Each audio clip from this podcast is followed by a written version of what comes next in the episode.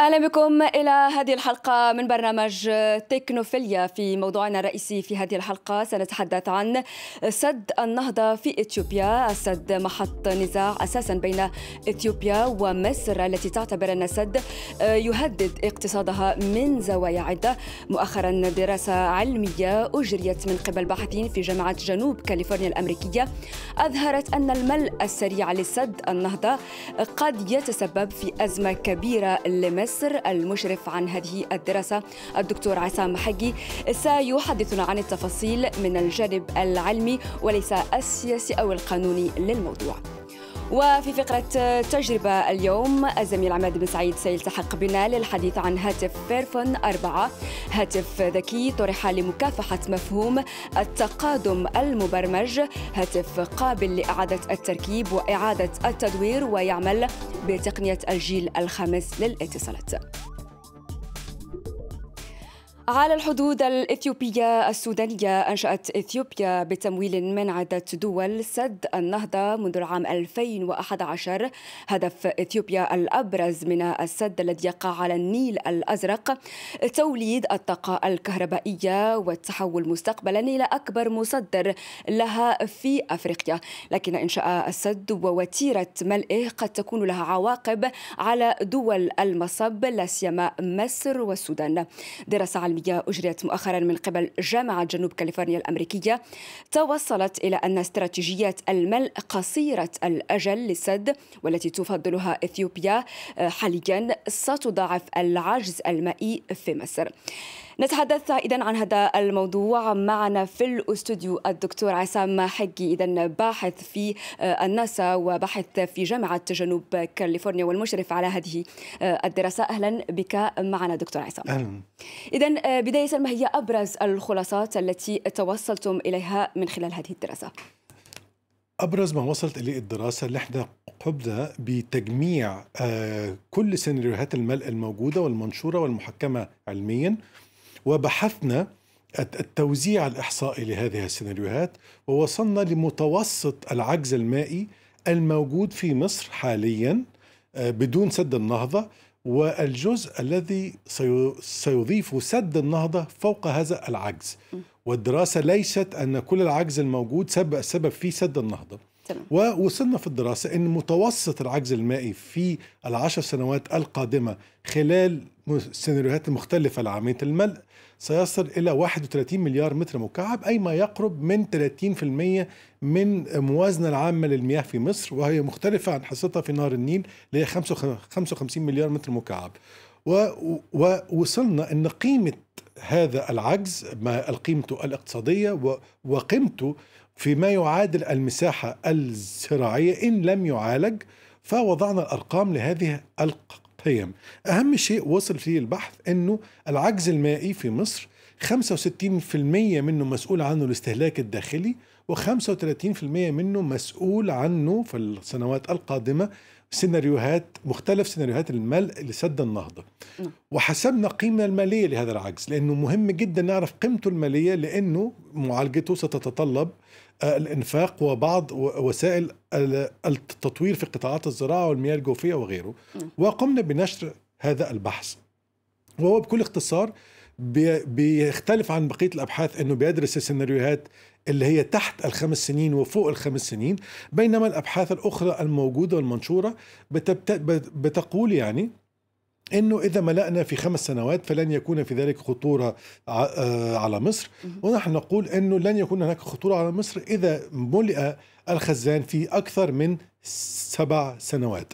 فلا لا يوجد النهارده أي اتفاق ملزم بالخمس أو سبع أو ثلاث سنوات فبحثنا بيدرس كل السيناريوهات ولا يختص بسيناريو واحد, واحد. فقط طيب دكتور عصام عندما كنا نتحدث قبل بدء التسجيل ذكرت بأن مسألة العجز المائي سواء في أفريقيا أو في الدول العربية مسألة يعني يتم إنكارها تجاهلها من قبل الدول الغربية التي تملك التكنولوجيا الحديثة في حين أن هناك وسائل تكنولوجية حاليا لتجاوز ومعالجة مشكلة العجز المائي في المنطقة.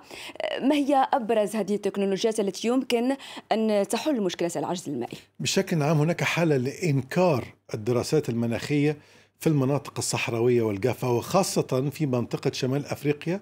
هناك حالة أن هناك في الوسط العلمي هناك نوع من الشعور أن هذه المشاكل لا تعني العالم ولا هي تعني فقط دول حوض النيل. نعم. ولم تكن هذه الحالة موجودة حين مثلا نناقش ذوبان القطب الشمالي ولا القطب الجنوبي.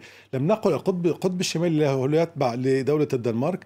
لم يقل وسط العلم الدنمارك هذه مشكلاتكم وحلوها بين أنفسكم. نفس الشيء. فهم الوسط العلمي يعني يبعد عن العالم مشكل مشكلات الصحراء ومشكلة أفريقيا ويحولها إلى مشكلة محلية هو يتعفف عنها وهذا موضوع خطير. دلوقتي إحنا بنشوف التكنولوجيات اللي تستطيع أن تحل هذه الأزمة. إحنا لا يمكن أن نحل أزمة لا, لا ليس لنا بيانات فيها. نحتاج للقراءات من الأقمار الصناعية. نحتاج القراءات ومجسات توزع على طول نهر النيل لقياس الخواص المياه والتغير في معدلات التدفق. كل ذلك يجب كمان أن يوحد في منظومة علمية واحدة وكل هذه الجهود آه، إن قلت إنها لم موجودة غير موجودة هيجي حد يقول لا دي هي موجودة لكنها موجودة بشكل هزلي وخجول لا يتوافق مع حجم الأزمة التي نعيش فيها. نعم شكرا جزيلا لك لحضورك معنا. اذا في هذه الحلقة الدكتور عسام حقيدا باحث في جامعة جنوب كاليفورنيا وأيضا في وكالة الناسا شكرا لك. شكرا. نواصل الآن مع فقرة تجربة.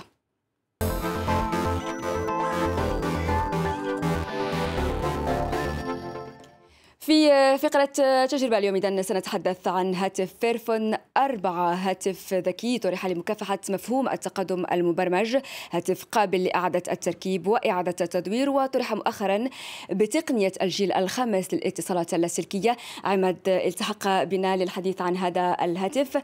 عماد آه، ما الإضافة في هذا الهاتف؟ الإضافة هي أن هذا الهاتف طبعا يسوق في الواقع لمفهوم وفلسفة أكثر من تسويقه لمنتوج وهنا نتحدث بطبيعة الحال عن هاتف ذكي. هواتف ال Fairphone هي هواتف قابلة للتركيب وإعادة التركيب وإعادة التدوير بشكل تام ويمكن إصلاحها بسهولة. النسخة الأولى الفايرفون 2 and 3 كانت قد تحصلت حسنا على 10 من 10 على مواقع متخصصة ترصد الهواتف التي يصلحها المستخدمين دون الحاجة إلى الاستنجاد بمتخصصين. هذا الهاتف الذكي الذي طرحته الشركة الهولندية الناشئة جاء إذا من حيث التصميم جريئا لأبعد الحدود حيث اقترب أكثر فأكثر من شكل الهواتف المنافسة الرئيسية في الأسواق. اليوم والمصنع يؤكد أن كل نسخة جديدة من الفايرفون هي أكثر احتراما لظروف العمل منذ استخراج المعادن في المناجم إلى تصنيع الهاتف في مراحله الأخيرة كما أنه لا يحيد طبعا عن مبادئ الشركة التي تؤكد على احترام البيئة وتقليص التلوث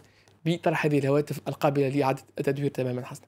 عماد ميزة هذا الهاتف أيضا أنه هاتف صديق للبيئة أين يتجلى ذلك؟ بالفعل المصنع يراهن على إطالة عمر هذه النسخة التي غلفت بإطار من المعدن القوي وتقدم راحة أكبر للمستخدم كما أن الجزء الخلفي من الهاتف محمي بغطاء يمكن إزالته آه، بكل سهولة والوصول بسهولة أكبر إلى بطارية ذات طاقة معتبرة قابلة بدورها للإزالة والتعويض دون إشكال يمكن, كذلك استبدال الأجزاء الأخرى من الهاتف الذكي بشرط أن تكون لدينا أصابع دقيقة ورؤية جيدة عن قرب كاستبدال طبعا مكبر الصوت آه، مثلا. لكن الأمور تتعقد نوعا ما حين نحاول تغيير الشاشة أو فتح فتحة ال USB لأننا سنجبر على فك موصل صغير ثم إعادة تركيبه بعد تعويض القطعة المعطبة. إلا أن ذلك ليس أمرا مستحيلا على مستخدم عادي. وهي مرحلة طبعا صعبة للغاية دون شك مع الهاتف هواتف ال iPhone أو السامسونج مثلا. آه، هناك طبعا آه، نقطة هامة جدا وهي أن الشركة تقول أن التكنولوجيا المستخدمة مع هذه النسخة تكلف آه، طبعا أكثر لأنها ذات أداء آه، مكافئ للهواتف المنافسة وتؤكد أن إنتاج هاتف الفايرفون 4 يعني هاتف واحد يعني أنه تمت إعادة تدوير هاتف ذكي بالكامل كما أن المصنع وهذه نقطة نعم. هامة يختار بعناية مزودي المواد المواد الخامة من خلال تفضيل المناجم لإنتاج النحاس والكوبالت التي لا توجد في مناطق حروب مثلا كما أنها تبذل مجهود لزيادة الأجور أجور العمال وتعمل على تقليل مخاطر العمل في مواقع الإنتاج وتكافح ظاهرة تشغيل الأطفال. لذلك لا تقتني المواد الأولية من مناجم لا تحترم هذه الشروط. حسن. نعم شكرا لك عماد ونصل معك إلى نهاية هذه الحلقة من برنامج تكنوفيليا. شكرا لكم على المتابعة. نترككم مع صور روبوت. طوره باحثون من جامعة بوليتكنيكا دي كاتالونيا في برشلونة. روبوت طور لمساعدة الأطفال الصغار على تنمية مهاراتهم الحركية. الروبوت يشجع الأطفال على التفاعل معه من خلال حثهم على التحرك أو محاولة الإمساك به أو الهروب منه.